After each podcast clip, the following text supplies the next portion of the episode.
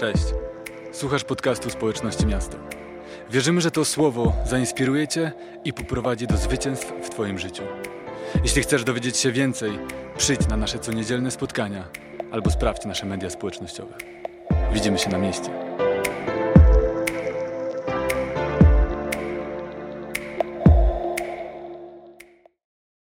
Chciałbym z Wami zacząć nową serię Życie świadome celu. Życie świadome celu. E, I ta seria jest inspirowana książką o tym samym tytule Życie świadome celu Ricka Warrena. To był bestseller, który sprzedał się w ponad 60 milionach egzemplarzy na całym świecie. I czytając tę książkę, e, uświadomiłem sobie, jak, jak wiele postaw, wiele decyzji, e, wiele różnych sytuacji, w które się plączemy, albo w które plączą się ludzie, wynikają z tego, że nie ma żadnego znaczącego celu w życiu. Że tak wiele osób nie ma żadnego znaczącego celu w życiu. I Thomas Carlyle, to jest y, myśliciel i pisarz z epoki wiktoriańskiej, powiedział takie zdanie: Człowiek bez celu jest jak statek bez steru. To już nie człowiek, lecz wrak i nicość. Wiecie, to są mocne słowa, ale myślę, że jest w tym wiele prawdy, że jeśli człowiek nie ma celu w swoim życiu, jeśli nie wie, jaki jest jego sens, jego życia, to rzeczywiście ciężko jest mu zmierzać w jakimkolwiek kierunku. Zmierza w nieokreślonym kierunku, który można nazwać nicością. Człowiek bez celu, bez wizji, e, firma bez celu, bez wizji, kościół bez wizji i bez konkretnego celu jest właśnie jak taki statek bez steru. Nasza społeczność ma konkretną wizję. Chcemy być miastem położonym na górze, chcemy wywierać wpływ na ludzi, chcemy czynić kolejnych uczniów, którzy czynią kolejnych uczniów. Chcemy manifestować Boże Królestwo tutaj na ziemi. To są nasze długofalowe cele, to jest nasza wizja, ale mamy też krótkoterminowe cele i wizje. Jesień 2021 przenosimy się do nowego miejsca, to jest nasz cel. I dzięki temu wiemy, jak wykorzystywać nasze zasoby, jakie podejmować decyzje, gdzie zużywać naszą energię, nasze siły, nasze finanse. To wszystko dlatego, że wiemy, jaki jest nasz cel. Gdybyśmy nie wiedzieli, jaki mamy cel, wszystkie nasze działania byłyby chaotyczne. Wszystko, co robimy, byłoby bez większego znaczenia. Ale kiedy masz cel, to po pierwsze, w Twoim życiu pojawia się znaczenie. Nie masz poczucia, że żyjesz tutaj bez jakiegokolwiek sensu. Masz poczucie znaczenia. Po drugie, łatwiej ci jest trzymać pewne standardy, nawyki. Dlatego, że jeśli wiesz, że te standardy i nawyki pomogą ci osiągnąć ten cel, jesteś bardziej zmotywowany, żeby je przestrzegać. Ponadto masz konkretny kierunek. To nie jest tak, że dzisiaj idziesz w tamtą stronę, jutro w tamtą, a później zawracasz, tylko wiesz, jaki jest kierunek Twojego życia. I po czwarte, jesteś zmotywowany. Kiedy nie masz celu, właściwie jaka jest podstawa tego, żebyś wstał z łóżka? Jakie, po co w ogóle masz y, angażować się, pracować? Kiedy pracujemy w miejscu, w którym mamy poczucie, że ta praca nic nic nie wnosi, nic nie zmienia, jesteśmy zdemotywowani, ale kiedy mamy poczucie, że nasza praca ma konkretny wpływ, ma jakiś cel, są jakieś owoce tej pracy, jesteśmy zmotywowani. A więc cel napędza i motywuje cię w twoim życiu. I kiedy wyznaczysz sobie życiowy cel, wtedy ten cel będzie napędzał całe twoje życie. I myślę, że, yy, znaczy nie myślę, wiem, że w naszym kościele jest tak, że staramy się zawsze działać z celem i z wizją i tak samo z naszymi seriami. I ta konkretna seria i każda seria w naszym kościele ma swój cel e, i to kazanie, każde kazanie dbamy o to, żeby miało jakiś konkretny cel i owoce. E, I ta seria, celem tej serii jest to, abyśmy żyli świadomi celów, dla których zostaliśmy stworzeni. Cała ta seria będzie nam miała pomóc w tym, abyśmy odnaleźli te cele, dla których zostaliśmy stworzeni, a po drugie, to kazanie konkretnie, pierwsze kazanie w tej serii, celem tego kazania jest to, abyśmy zdefiniowali sobie pewne rzeczy, fundamentalne rzeczy, które pomogą nam te cele odkryć które pomogą nam te cele odkryć. A więc dzisiaj definiujemy sobie pewne cele i dlatego to kazanie nazywa się Zdefiniuj swoje życie. My nie lubimy za bardzo takich haseł, bo mamy takie poczucie, nie będę definiował swojego życia, nie chcę być, wsadzić swojego życia w ramki, ale tu nie chodzi o wsadzanie twojego życia w ramki, ale chodzi o to, żeby wyznaczyć sobie cel dla swojego życia, który, tak jak mówiłem, pomaga nam znaleźć znaczenie, trzymać standardy, określić kierunek i mieć motywację. I pierwszą rzecz, którą chciałbym, żebyśmy sobie zdefiniowali i określili, jest, e, jest to, że wiecie, jeśli chcemy znaleźć cel naszego życia, to mamy dwie opcje tak naprawdę.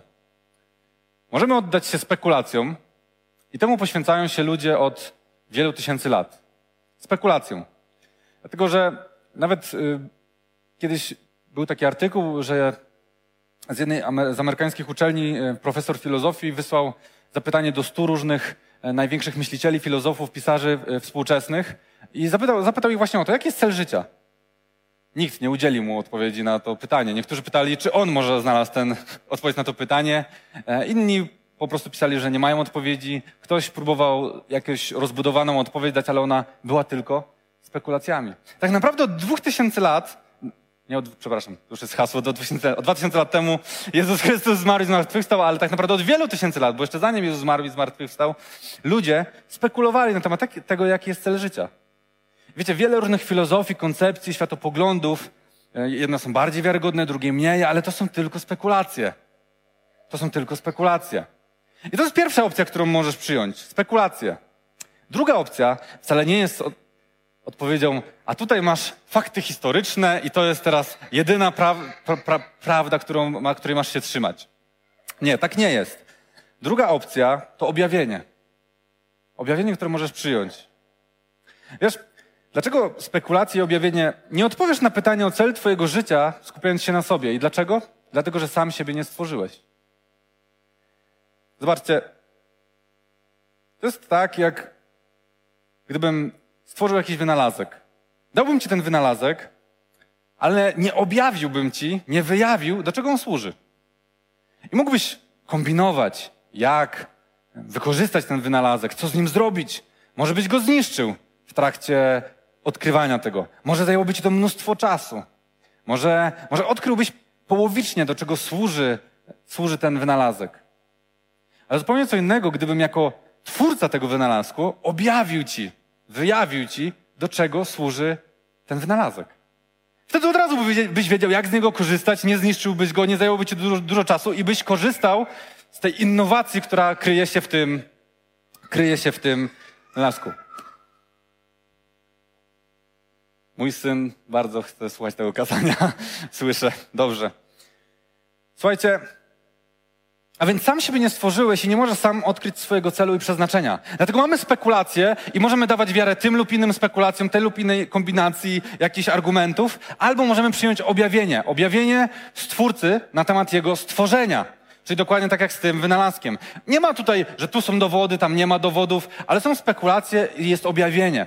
Decyzja należy do ciebie, którą opcję wybierasz. Czy dalej chcesz się oddawać spekulacjom, czy może zamiast walczyć z tymi argumentami, szukać tych różnych spekulacji, przyjmiesz objawienie. Ponieważ Stwórca, Bóg, stworzył nas i objawił, jaki jest cel naszego życia w swoim słowie. To jest ta instrukcja.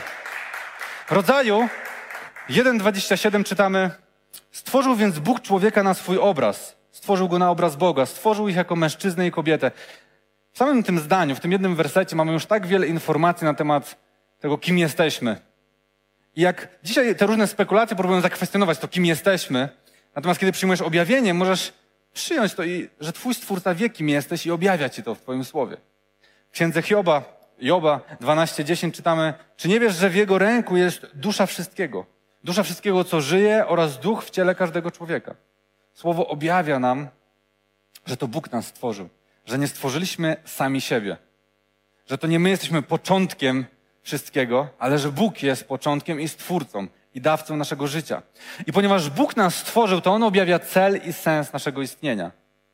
I w Kolosan 1,16 czytamy piękne zdanie, ponieważ w Nim zostało stworzone wszystko. W niebie i na ziemi. To, co widzialne i niewidzialne. Trony oraz rządy, zwierzchności i władze. Wszystko zaistniało przez Niego i dla Niego. Wszystko zaistniało przez Niego i dla Niego. Chciałbym Cię zachęcić, abyś w trakcie tej serii wziął sobie właśnie ten werset. Kolosan 1,16. Zapisz go sobie, zapamiętaj i rozważaj. Niech Duch Święty objawia Ci to. Wszystko zostało stworzone, wszystko zaistniało przez Niego i dla Niego. Wiecie, poradniki, jest wiele poradników, które uczą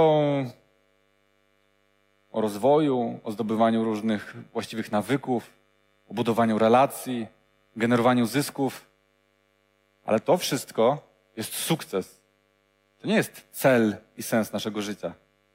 Wiele poradników z pogranicza e, psychologii, jakiegoś samorozwoju, coachingu, jakiegoś emocjonalnego zdrowia, to wszystko mówi nam o tym, jak osiągnąć sukces i to jest dobre.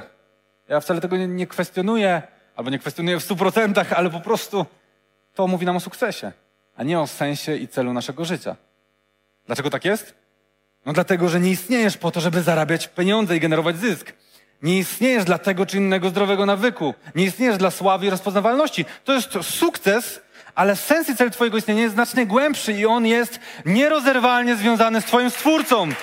W nim jest początek i sens wszystkiego. W nim. W nim jest początek i sens wszystkiego. I to jest objawienie, które możesz przyjąć. Które zachęcam Cię do tego, żebyś przyjął. Żebyś nie był jak wynalazek, który sam próbuje określić, do czego służy, ale żebyś był jak wynalazek, który zostało, gdzie zostało objawione, do czego on służy. To była zła metafora, przepraszam, ale, ale chodzi o to, że Stwórca, Stwórca jest tym, który może objawić cel i sens stworzenia, więc pierwsza rzecz, wszystko ma w nim swój początek. Po drugie, nie jesteśmy dziełem przypadku. Nie jesteśmy dziełem przypadku. Wiecie, gdzieś tak w ogólnej podejściu do ludzkości mamy takie poczucie, że jesteśmy dziełem przypadku. Nie, nie mamy takiego poczucia, zresztą tak się wmawia nam, że jesteśmy masą białka, która jest skierowana impulsami elektrycznymi, że gdzieś ten wszechświat, ludzkość jest wynikiem kosmicznego przypadku, gdzieś na peryferiach wszechświata. Wiecie, my to wszystko ubieramy w bardzo jakieś takie, powiedzmy, naukowe argumenty i mamy takie poczucie, no tak, trzeba to przyjąć, bo to są naukowe argumenty, że jesteśmy przypadkiem na tym świecie, na tym wszechświecie. Ale zadajmy sobie pytanie bardziej filozoficznie. Jakie to ma w takim razie znaczenie dla naszego życia, skoro jest, jak, jakby jak, jak mamy patrzeć na swoje życie, jeśli mamy przyjąć tę perspektywę, że jesteśmy przypadkiem? To jest bardzo depresyjne, deprymujące. To właściwie sprawia, że możemy mieć poczucie bezsensu wszystkiego. Co więcej, to nie jest tylko kwestia tego, co dotyczy całej ludzkości, ale często w kontekście nas, oso nas osobiście mamy takie poczucie, że nasze życie nie ma sensu, że jesteśmy tutaj bez znaczenia na tym świecie. Może usłyszałeś to od swoich rodziców, może oni nie planowali ciebie, nie chcieli, może w twojej rodzinie byłeś traktowany jako ktoś, e, kto nie ma żadnego znaczenia, kto nie ma żadnego wpływu, kto, kogo głos się nie liczy i budowało się w tobie takie przekonanie, że jesteś dziełem przypadku, że jesteś bez znaczenia na tym świecie, że twoje życie nie ma żadnego sensu. Ale chcę ci powiedzieć, że zanim poczęli ciebie twoi rodzice, zostałeś poczęty w Bożym zamyśle. I to nie jest tylko moja motywacyjna zachęta dla ciebie, ale to jest znowu objawienie, które daje nam Stwórca w swoim słowie. Psalm 139, 15-16 werset. Chcę, żebyś Potraktował to jako słowa, które są o Tobie. Żadna moja kość nie uszła Twojej uwadze, Boże. Choć powstawałem w ukryciu, utkany w głębiach ziemi, Twoje oczy oglądały mnie w łonie. Na swym zwoju spisałeś me dni, zaplanowałeś je zanim którykolwiek zaistniał. Twój Bóg planował Ciebie. Zanim cokolwiek zaistniało, On miał Ciebie w swoich myślach. On przygotowywał dla Ciebie miejsce na tej ziemi. Nie jesteś dziełem przypadku. Bóg nie czyni rzeczy przez pomyłkę. To nie jest tak, że On czyni jakieś rzeczy niechcący. Stworzyłem wielu ludzi, którzy, tak Bóg może myślisz, że ma takie podejście, stworzyłem wielu ludzi, którzy, którzy mają jakieś znaczenie w tym świecie, są przywódcami politycznymi, artystami, jakimiś ludźmi wpływu, a ty powstałeś mi przez pomyłkę jako odpad z tych innych cudownych stworzeń. To nie jest prawda. Nasz Bóg taki nie jest. Nasz Bóg każdego z nas stworzył z konkretnym celem i z zamysłem. Nie uczynił nas przez pomyłkę. Bóg w swojej doskonałości mógł posłużyć się niedoskonałością Twoich rodziców, którzy może rzeczywiście w swoim, w swoim błędzie, w swoich zranieniach nie potrafili docenić tego daru, którym jesteś. Może Twoja rodzina nie potrafiła tego docenić. Może jakiś inny człowiek, do którego żywiłeś uczucie, relacje, nie potrafił docenić wartości, która jest w Tobie. Ale to nie znaczy, że Bóg nie stworzył ciebie z konkretnym planem i znaczeniem, z konkretnym celem. Amen. Wiecie, jeśli Bóg nie istnieje, jeśli my jesteśmy dziełem przypadku, to rzeczywiście wszystko jest bez sensu. To rzeczywiście nie ma dobra i zła, nie ma, nie ma czegoś takiego, to nie ma żadnego znaczenia, co to jest dobro, co to jest zło. Jeżeli jesteśmy dziełem przypadku, jesteśmy tylko kupą białka sterowaną impulsami elektrycznymi, to tak naprawdę jedyne, co nam pozostaje, to wyciskać z, tego, z tych okoliczności, które nas otaczają, z tego, z tego świata, który nas otacza, jak najwięcej, żeby jak najwygodniej przejść przez tę egzystencję, kiedy to te impulsy elektryczne jeszcze po prostu mają moc, żeby nas ożywiać. Spójrzmy na to tak w ten sposób. Spójrzmy głębiej, nie tylko, no tak, jesteśmy dziełem przypadku, ale dalej angażujemy się w te wszystkie sprawy tego przypadkowego świata. Jeśli jesteśmy dziełem przypadku, to wszystko jest bez znaczenia tak naprawdę. Jeśli to jest tylko jakiś przypadkowy proces biologiczno-chemiczno-fizyczny, to tak naprawdę równie dobrze ten proces może jakiś inny proces zajść i to wszystko się skończy bez jakiegokolwiek znaczenia, celu, sensu, po prostu. Ale to są spekulacje. Znowu wracamy do tego tej miejsca spekulacji. Ale jeśli wrócimy do objawienia i do słowa, które objawia nam, jaki jest cel i sens, to zobaczymy zupełnie inne przesłanie Jakuba 1,18. To On, posyłając do nas słowo prawdy, zrodził nas do nowego życia, abyśmy stali się najlepszą częścią Jego stworzenia. To jest konkretny cel, dla którego zostaliśmy stworzeni.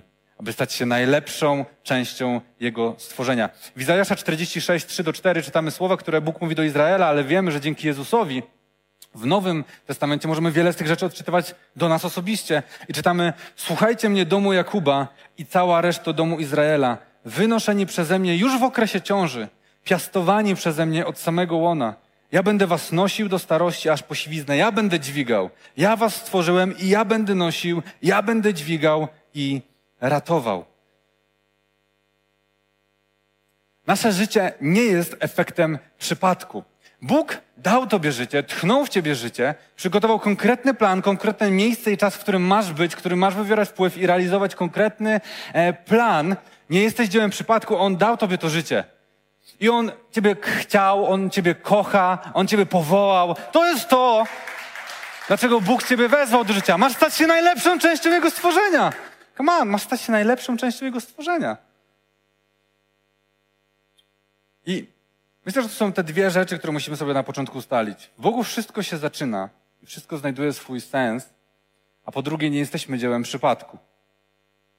Teraz kolejną rzeczą, która jest nam niezbędna do tego, żebyśmy mogli odkryć ten cel albo cele, dla których zostaliśmy stworzeni, jest to, żebyśmy zdefiniowali swoje życie. Dlaczego tak jest?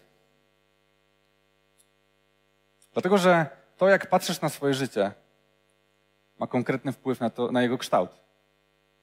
Dlatego chcę zadać Ci to pytanie. Czym jest dla Ciebie życie? I teraz obraz, słowo, jakaś metafora, która pojawiła się w Twojej głowie, jest niezwykle ważna. Bo to, co zobaczyłeś, to, co usłyszałeś w swojej głowie, świadomie lub nieświadomie będzie wywierało na Ciebie wpływ, będzie określało kształt Twojego życia. I wiecie, ludzie mają różne metafory swojego życia. Dla niektórych życie to jest dobra zabawa. I wtedy, nawet jeśli oni to wyrażają wprost lub nie wprost, wtedy jednym z głównych celów ich życia jest po prostu dobrze się bawić. Dla kogoś życie może być definiowane jako po prostu taki znój i męczarnia. Wtedy dla nich głównym celem będzie walka o przetrwanie i wszystko, co będą robili i cel ich życia to jest przetrwać. Dla kogoś innego życie to może być wyścig, Wtedy liczy się zwyciężanie. Więc po prostu chcesz zwyciężać. Wszystko, co robisz, chcesz zwyciężać. Jeszcze dla kogoś innego życie może być maratonem. Wtedy po prostu celem jest wytrzymałość. Wiecie, musimy zdefiniować swoje życie i być świadomi najlepiej tego, jak definiujemy swoje życie, bo to wywiera niezwykły wpływ na to, jak się zachowujemy, co robimy. I ludzie w różny sposób wyrażają to, jak definiują swoje życie. Czasem przez swój ubiór, E, czasem przez fryzurę, czasem przez jakiś tatuaż, jakieś motto, które cały czas powtarzają, przez y, samochody i po prostu ubrania, które kupują. Różne jest podejście do tego, jak definiujemy. Niektórzy nalepiają sobie, wiecie, na samochód jakąś naklejkę, inni sobie wrzucają jakieś, jakieś zdjęcie profilowe na Facebooku. W różny sposób wyraża się ta metafora naszego życia i w różny sposób wyrażamy ją. Czasem robimy to świadomie, a czasem robimy to całkowicie nieświadomie. I kiedyś usłyszałem zdanie, które myślę, że jest bardzo ważne w tym kontekście, że my jako ludzie nie widzimy rzeczy takimi, jakimi one są, ale takimi, jakimi sami jesteśmy. I myślę, że to jest bardzo ważne. My jako te stworzenia, jako wynalazki, nie widzimy tego, do czego zostaliśmy stworzeni, tego świata takim, jaki on jest. Widzimy go takim, jakim my jesteśmy. W sumie Paweł, apostoł Paweł w pierwszym liście do Koryntian 13-12 mówi słowa, które to potwierdzają. Mówię tak, gdyż teraz widzimy zagadkowe kontury. Teraz, w tym życiu. Nadejdzie jednak czas, gdy zobaczymy twarzą w twarz. Teraz poznaję po części. Przyjdzie jednak czas, kiedy poznamy tak, jak zostałem poznany. No i dlatego definicja życia jest bardzo subiektywna i ona znowu wprowadza nas w to miejsce spekulacji. Tego, że każdy mówi, co uważa, jak definiuje swoje życie. Jedni uważają, że najlepszym podejściem jest definiować to jako dobrą zabawę, inni jako, jako po prostu wyścig, inni jako znój.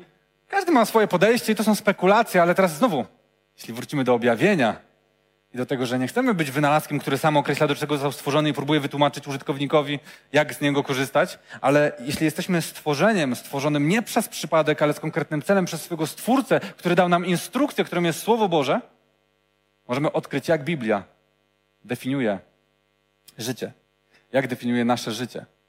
Kiedy zdefiniujemy nasze życie, to będzie sprawiało, że nasze życie będzie miało określony kształt. Będziemy mogli odkryć w nim konkretne cele i sens.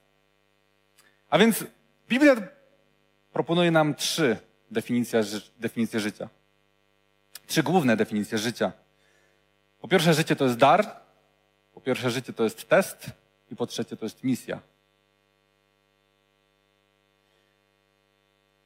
Życie to jest dar, albo nawet depozyt, który otrzymujemy. Zobaczcie, nie dałeś sobie sam życia. To już powiedzieliśmy.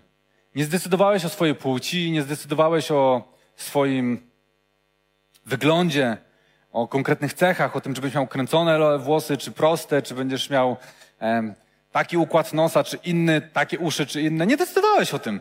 Nie decydowałeś o swoich cechach osobowości. Nie decydowałeś o tym, jakie masz talenty. Co więcej, twoi rodzice również o tym nie decydowali. To nie twoi rodzice dali ci życie. Oni byli tylko przekaźnikiem tego życia.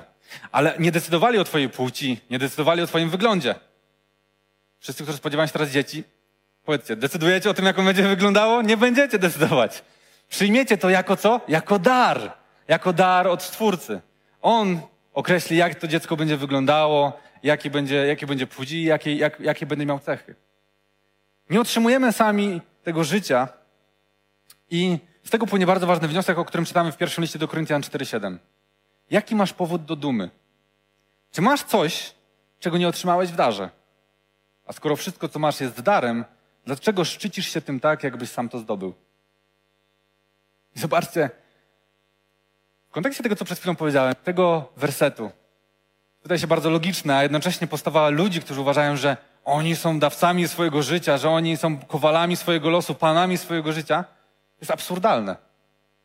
Takie podejście jest absurdalne. Nie mamy nic, czego byśmy nie otrzymali. To już nie tylko w kontekście finansów, o tym mówiliśmy w całej poprzedniej serii, ale w kontekście tego, kim jesteśmy jako ludzie. Wszystko otrzymaliśmy.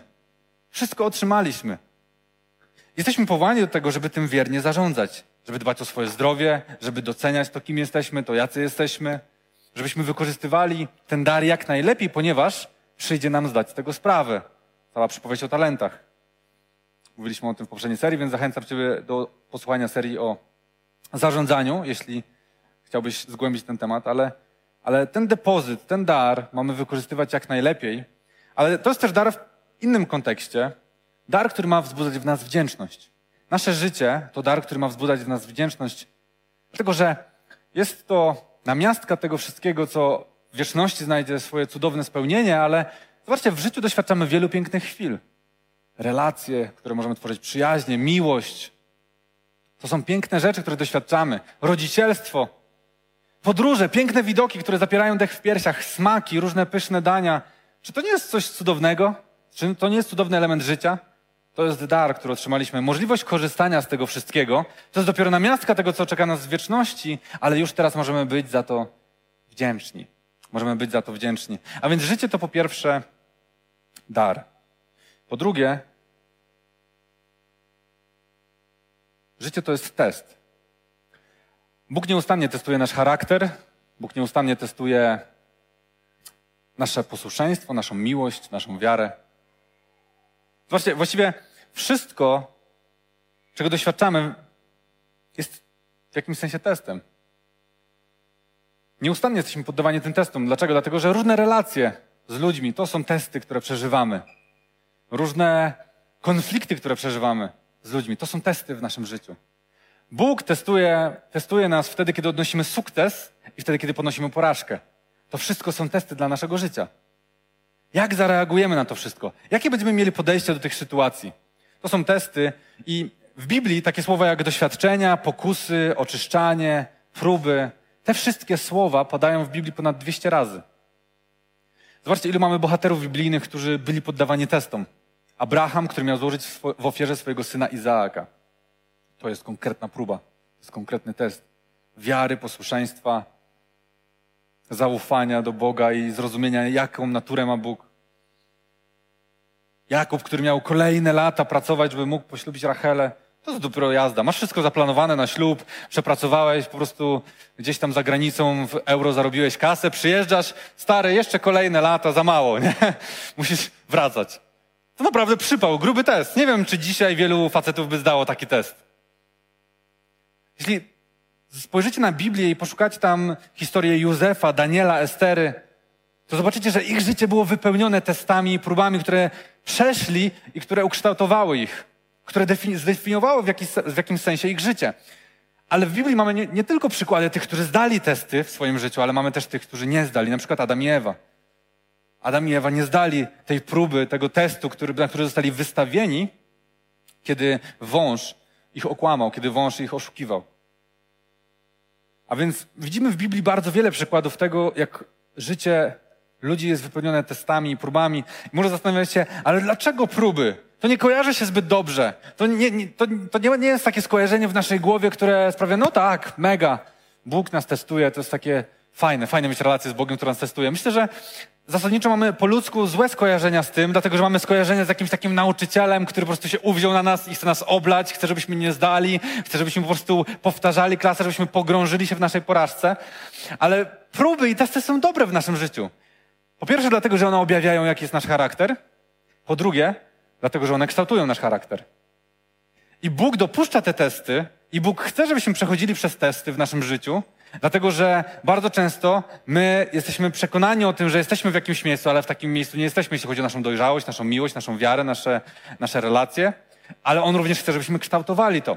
I wiecie, ja w swoim życiu nieraz miałem taką sytuację, kiedy wydawało mi się, że już jestem w takim dobrym miejscu, jeśli chodzi o dojrzałość chrześcijańską, jeśli chodzi o budowanie relacji, jeśli chodzi o miłość braterską. Ale później jakaś sytuacja, okoliczności sprawiały, że mój charakter objawiał się ale jednocześnie to motywowało mnie do tego, żeby kształtować ten charakter i pracować na nim.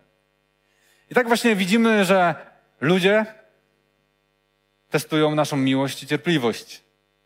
Problemy testują naszą wiarę. Pieniądze testują naszą perspektywę wieczności i takie nadzieje na wieczność. Czy zarządzasz w perspektywie wieczności, czy zarządzasz tylko tu i teraz? Każdy z nas, chrześcijan, w swoim życiu przejdzie próbę, która nazywana jest duchową pustynią. W Biblii widzimy przykłady tego. Sam Jezus przeszedł e, takie doświadczenie, kiedy poczucie takie, że pozostajesz sam, że Bóg gdzieś się ukrył, że Bóg zapomniał o tobie, że Bóg do ciebie już nie mówi. Każdy chrześcijanin przejdzie przez tę próbę przynajmniej raz w życiu, a może kilka razy. Duchowa pustynia. I kiedy uświadomisz sobie, że życie jest próbą, że życie jest testem, zrozumiesz, że w Twoim życiu że w Twoim życiu nic nie jest bez znaczenia. Amen. Dobrze. a więc, a więc tak, w naszym życiu nic nie jest bez znaczenia i zobaczcie, nie możemy mieć takiego poczucia, że testy to jest coś strasznego w naszym życiu, że Bóg jest sędzią, który chce nas po prostu rozliczyć i pogrążyć nasze życie. Chcę Ci powiedzieć bardzo ważną rzecz. Bóg chce, abyś zdał każdy test. Bóg chce, abyś zdał każdy test i mówi, czytamy o tym w 1 Koryntian 10:13. Dotychczas nie spotkała was próba przekraczająca siły ludzkie. Bóg jest wierny. On nie dopuści, aby was doświadczano ponad wasze siły. W czasie próby wskaże wam wyjście, abyście mogli ją znieść. W czasie próby. Tam nie jest napisane w czasie, kiedy jest dobrze i czujesz się dobrze duchowo, kiedy wszystko się układa, kiedy masz wszystko, czego potrzebujesz, ale w czasie próby. On wskaże ci wyjście. Bóg chce, abyś zdał każdy test. Abyś zdał każdy test. Wiecie, mnie to bardzo motywuje. Bo skoro wiem, że życie jest pełne testów, to może być niezbyt motywujące, ale skoro wiem, że Bóg jest tym, który chce, abym zdał każdy z tych testów i wystarczy, że będę się go trzymał w trakcie tych testów, a on wskaże mi wyjście, to mnie niesamowicie motywuje. To sprawia, że nie boję się tych testów. To sprawia, że nie, nie czuję lęku przed wyzwaniami, ale wiem, że mój Bóg przeprowadzi mnie przez te próby. Po to, aby mój charakter mógł się kształtować, aby mój charakter mógł się rozwijać. Nie zabierzesz, o tym mówiliśmy w poprzedniej serii, nie zabierzesz do wieczności nic z tego świata materialnego, ale zabierzesz to wszystko, co w Twojej duszy zostało wypracowane przez Ducha Świętego, co razem z Bogiem wypracowałeś przez te wszystkie próby i testy e, Twojego życia. A więc mamy dar, mamy test i ostatnia rzecz. To misja. To jest misja na czas. Trochę jak w grze komputerowej albo w jakimś teleturnieju. Po prostu masz określony czas i masz konkretne zadania do wykonania w tym czasie. Życie ma swój określony czas, musimy być tego świadomi. Czytamy w Biblii, że 70 lat, 80, jeśli jesteś mocny, e, żyje człowiek. Ma to sens. Jesteśmy tutaj tylko tymczasowo i zobaczcie, w psalmie 39, 5, 6 wersecie czytamy Panie, powiedz, kiedy nadejdzie mój kres, daj mi znać, ile pozostało mi lat. Niech wiem, jak jestem znikomy. Oto wymierzyłeś moje dni na szerokość kilku dłoni. Okres mego życia jest niczym przed Tobą. Tak, człowiek jest tylko tchnieniem, nawet ten wysoko postawiony Sela. Sela, czyli to, co czytamy w psalmach jako pauzę. Pauzę, która ma dać nam przestrzeń na refleksję. I Dawid nie bez powodu stawia tam pauzę, Sela. Dlatego, że te słowa właśnie o tym traktują, o czymś, czego musimy być świadomi, nad czym musimy się pochylić. Że mamy określony czas na tej ziemi. Czasem żyjemy w bardzo taki sposób tu i teraz, nie myślimy o tym, co nas czeka w przyszłości. Wielu ludzi odsuwa od siebie myśl o wieczności, o śmierci, o tym, co jest po śmierci. Ale Biblia nas zachęca do tego, żebyśmy byli jak najbardziej świadomi tego, że mamy określony czas i że w tym określonym czasie mamy konkretne zadania do wykonania. Ziemia nie jest naszym domem, ziemia nie jest naszą ojczyzną, jesteśmy, nie jest naszym miejscem docelowym. Dlatego w Biblii jesteśmy nazywani pielgrzymami, obcokrajowcami, gośćmi, cudzoziemcami. Jeśli spojrzysz sobie na, w Biblii, poszukasz tych słów, zobaczysz, że my jako ludzie jesteśmy tak określani tutaj na ziemi. A więc umierając nie opuścimy swojego domu, ale do niego wejdziemy. I będziemy mieli całe jedno kazanie, które będzie mówiło o nastawieniu na wieczność. Jak ważne jest to, żebyśmy rozumieli, gdzie jest miejsce docelowe, ale tymczasem, żebyśmy mogli określić sobie, dobrze zdefiniować fundamenty. Myślę, że musimy do tego podejść tak, że my tutaj na ziemi jesteśmy w miejscu, które zostało dotknięte grzechem. Adam i Ewa upadli, grzech rozlał się po ziemi i widzimy niesprawiedliwość, śmierć na tym świecie. Jednocześnie my, dzięki Jezusowi Chrystusowi, zostaliśmy wyrwani z tej ciemności i postawieni w światłości. Ale jesteśmy wciąż tutaj. A więc nasza rola sprowadza się do bycia ambasadorami Bożego Królestwa na ziemi. Nasza rola sprowadza się do bycia ambasadorami i tak jesteśmy nazwani w Słowie Bożym jako ambasadorzy, ambasadorowie. Jakkolwiek. W każdym razie to jest nasza rola. I teraz, jeśli chcemy dobrze zrozumieć, co to znaczy, że, że nasze życie jest misją, to musimy spojrzeć na to właśnie w ten sposób. Wyobraźcie sobie, że jesteście, ktoś z was jest ambasadorem jakiegoś państwa i zostaje wysłany do innego, wrogiego państwa. I wypełnia tam konkretną misję. Ma tam określony czas, w którym ma być, ileś lat, 10 lat jest tam ambasadorem i ma tam swoje zadania dyplomatyczne. Ale w trakcie tej misji dyplomatycznej zakochuje się w tym państwie wrogim. Stwierdza, że tam jest tak pięknie, tak cudownie, ci ludzie są tak wspaniali, tak wiele możliwości jest właśnie tam, że straci lojalność do swojej ojczyzny i stwierdza, że zostaje tutaj i będzie służył temu państwu. To chyba jasne, że taka osoba nazwana byłaby zdrajcą.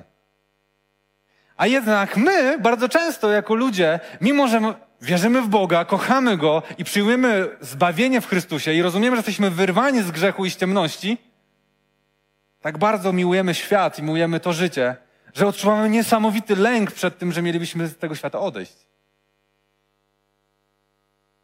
Życie to jest misja, a Ziemia jest naszym polem misyjnym, a nie miejscem docelowym. I teraz, jeśli uświadomimy to sobie, to dojdziemy do bardzo ważnych odpowiedzi, nad którymi zastanawia się wielu ludzi, którzy zastanawiają się, czy Bóg istnieje. Bo często ludzie mówią, czy Bóg istnieje, albo jak Bóg może istnieć, skoro tak wiele złych rzeczy dzieje się na świecie, skoro chrześcijanie doświadczają tak wielu złych rzeczy. No ale jeśli zrozumiesz, że życie to jest misja, to dochodzisz do odpowiedzi, że właśnie dlatego doświadczamy trudów, jakiegoś zła, dlatego że nie jesteśmy w miejscu docelowym. Dlatego, że to nie jest Twoja ojczyzna. To nie jest odnowiona ziemia, to nie jest Boże Królestwo. Tutaj możesz doświadczyć namiastki Bożego Królestwa, tutaj możesz doświadczyć pewnych jakichś cudów i działań Boga, ale to nie jest miejsce, w którym my się będziemy, będziemy skąpani po prostu w cudownym doświadczeniu Bożej obecności, dlatego że to nie jest miejsce docelowe, to nie jest nasz dom. To również prowadzi nas do, drugiego bardzo ważnej, do drugiej bardzo ważnej odpowiedzi. Dlaczego niektóre z naszych modlitw pozostają bez odpowiedzi? Dlatego, że niektóre z nich znajdą swoje spełnienie w wieczności, a więc w miejscu docelowym. Tam, gdzie będziesz już w Bożej obecności. To jest miejsce, w którym doświadczysz całej pełni. Całej pełni. A więc życie to jest dar. Życie to jest test. I życie to jest misja, która ma swój określony czas. I teraz, mając tę świadomość, musimy zrozumieć, że każdy z nas jest ambasadorem Chrystusa, który dostał niezwykły przywilej, niezwykły dar, ale również niezwykłe zadania do wykonania tutaj na ziemi. I kiedy zdefiniujemy sobie życie i zrozumiemy, jak Biblia definiuje życie, mamy właściwy fundament do tego, aby odkryć cele dla naszego życia i cele, które Bóg ma dla całego Kościoła. Dobrze. Chciałbym, żebyśmy podsumowali to, co dzisiaj zostało powiedziane. Było trochę filozoficzno, jakoś myślicielsko, więc żeby nie uciekło nam pięć punktów, które zostały powiedziane. Po pierwsze, musimy żyć świadomie celu, ponieważ właściwie określony cel napędza całe nasze życie. Po drugie, tylko Bóg jako nasz Stwórca objawia cel i sens istnienia każdego z nas. Po trzecie, nie jesteś dziełem przypadku. Zanim poczęli cię rodzice, zostałeś poczęty w Bożym zamyśle. Czwarta rzecz. Sposób, w jaki patrzysz na swoje życie, wpływa na jego kształt. Piąta. Biblia definiuje życie jako dar, test i misję. Właściwe zrozumienie tych obrazów pozwala odkryć cele, dla których istniejemy.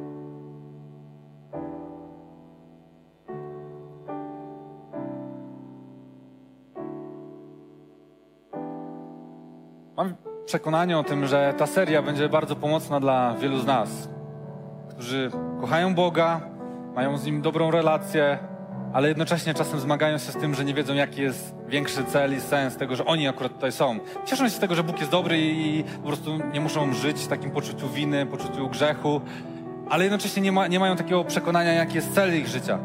Mam nadzieję, że ta seria będzie też inspirująca dla tych, którzy w ogóle nie znają Boga, nie mają poczucia, że jaki jest sens naszego istnienia na tym świecie. W jakimkolwiek miejscu jesteś, chciałbym dzisiaj z Tobą się pomodlić e, o to, aby ta seria wykonała dobrą pracę w Twoim sercu. Chciałbym, tak jak ta, to kazanie miało przygotować właściwy fundament, tak chciałbym, żeby Duch Święty przygotował Twoje serce na to, aby cała ta seria mogła e, zasiewać w, twoim, w Twojej duszy, w Twojej głębi ważne przesłania o tym, jaki jest cel i sens Twojego życia. Więc chciałbym, żebyśmy razem się pomodlili, możemy powstać. Tak jak jest napisane w Kolosan 1,16. Ponieważ w nim zostało stworzone wszystko, w niebie i na ziemi, to co widzialne i niewidzialne, trony oraz rządy, zwierzchności i władze, wszystko zaistniało przez Niego i dla Niego. Dobry Boże, nasz Stwórco, dziękuję Tobie za to, że powołałeś do życia każdego z nas. Dziękuję Tobie za to, że tchnąłeś w nas to życie i wybrałeś każdego z nas z osobna, jako swoje stworzenie i zaprosiłeś nas do swojej rodziny przez Jezusa Chrystusa, Panie. Dziękuję Tobie za to, że Ty jesteś Bogiem, który nie skazuje nas na spekulacje, ale daje nam objawienie o tym, kim jesteśmy i do czego zostaliśmy przeznaczeni. Boże, dziękuję Tobie za to, że nie jesteśmy dziełem przypadku, że nie znaleźliśmy się tutaj bez powodu, ale jesteśmy stworzeni dla konkretnych celów, aby oddawać Tobie chwałę, aby przynosić Tobie radość, aby doświadczać błogosławieństwa, aby wykorzystać najlepiej ten czas, który mamy dany na ziemi. Boże, dziękuję Tobie za to, że jesteśmy chciani, kochani i powołani, że jesteśmy wybrani do tego, aby być najlepszą częścią Twojego stworzenia. Dziękuję Tobie za to, Boże. Dziękuję Tobie za życie, które jest darem, za wszystkie piękne doświadczenia, które możemy przeżyć i, i doświadczyć, zobaczyć w swoim życiu. Dziękuję Tobie za życie, które jest testem, za każdy test, za każde okoliczności, które sprawdzają nasz charakter i prowadzą nas do tego, abyśmy się rozwijali, Panie. I dziękuję Tobie za to, że życie jest misją, że mamy konkretne zadania, że mamy konkretne cele, kierunek, że Ty chcesz czegoś od nas, a nie jesteśmy tutaj pozostawieni sami sobie, Panie. Dziękuję Tobie za to i proszę Cię, aby Twój Święty Duch przygotował nasze serca, aby były żyzną glebą, aby te kazania przygotowały i przynosiły spełnienie, odpowiedzi do naszego życia, Panie. I wiemy, że Ty powołałeś nas do tego, abyśmy przynosili Tobie chwałę, bo wszystko zaistniało przez Ciebie i dla Ciebie w imieniu imieniu Jezusa Chrystusa. Amen.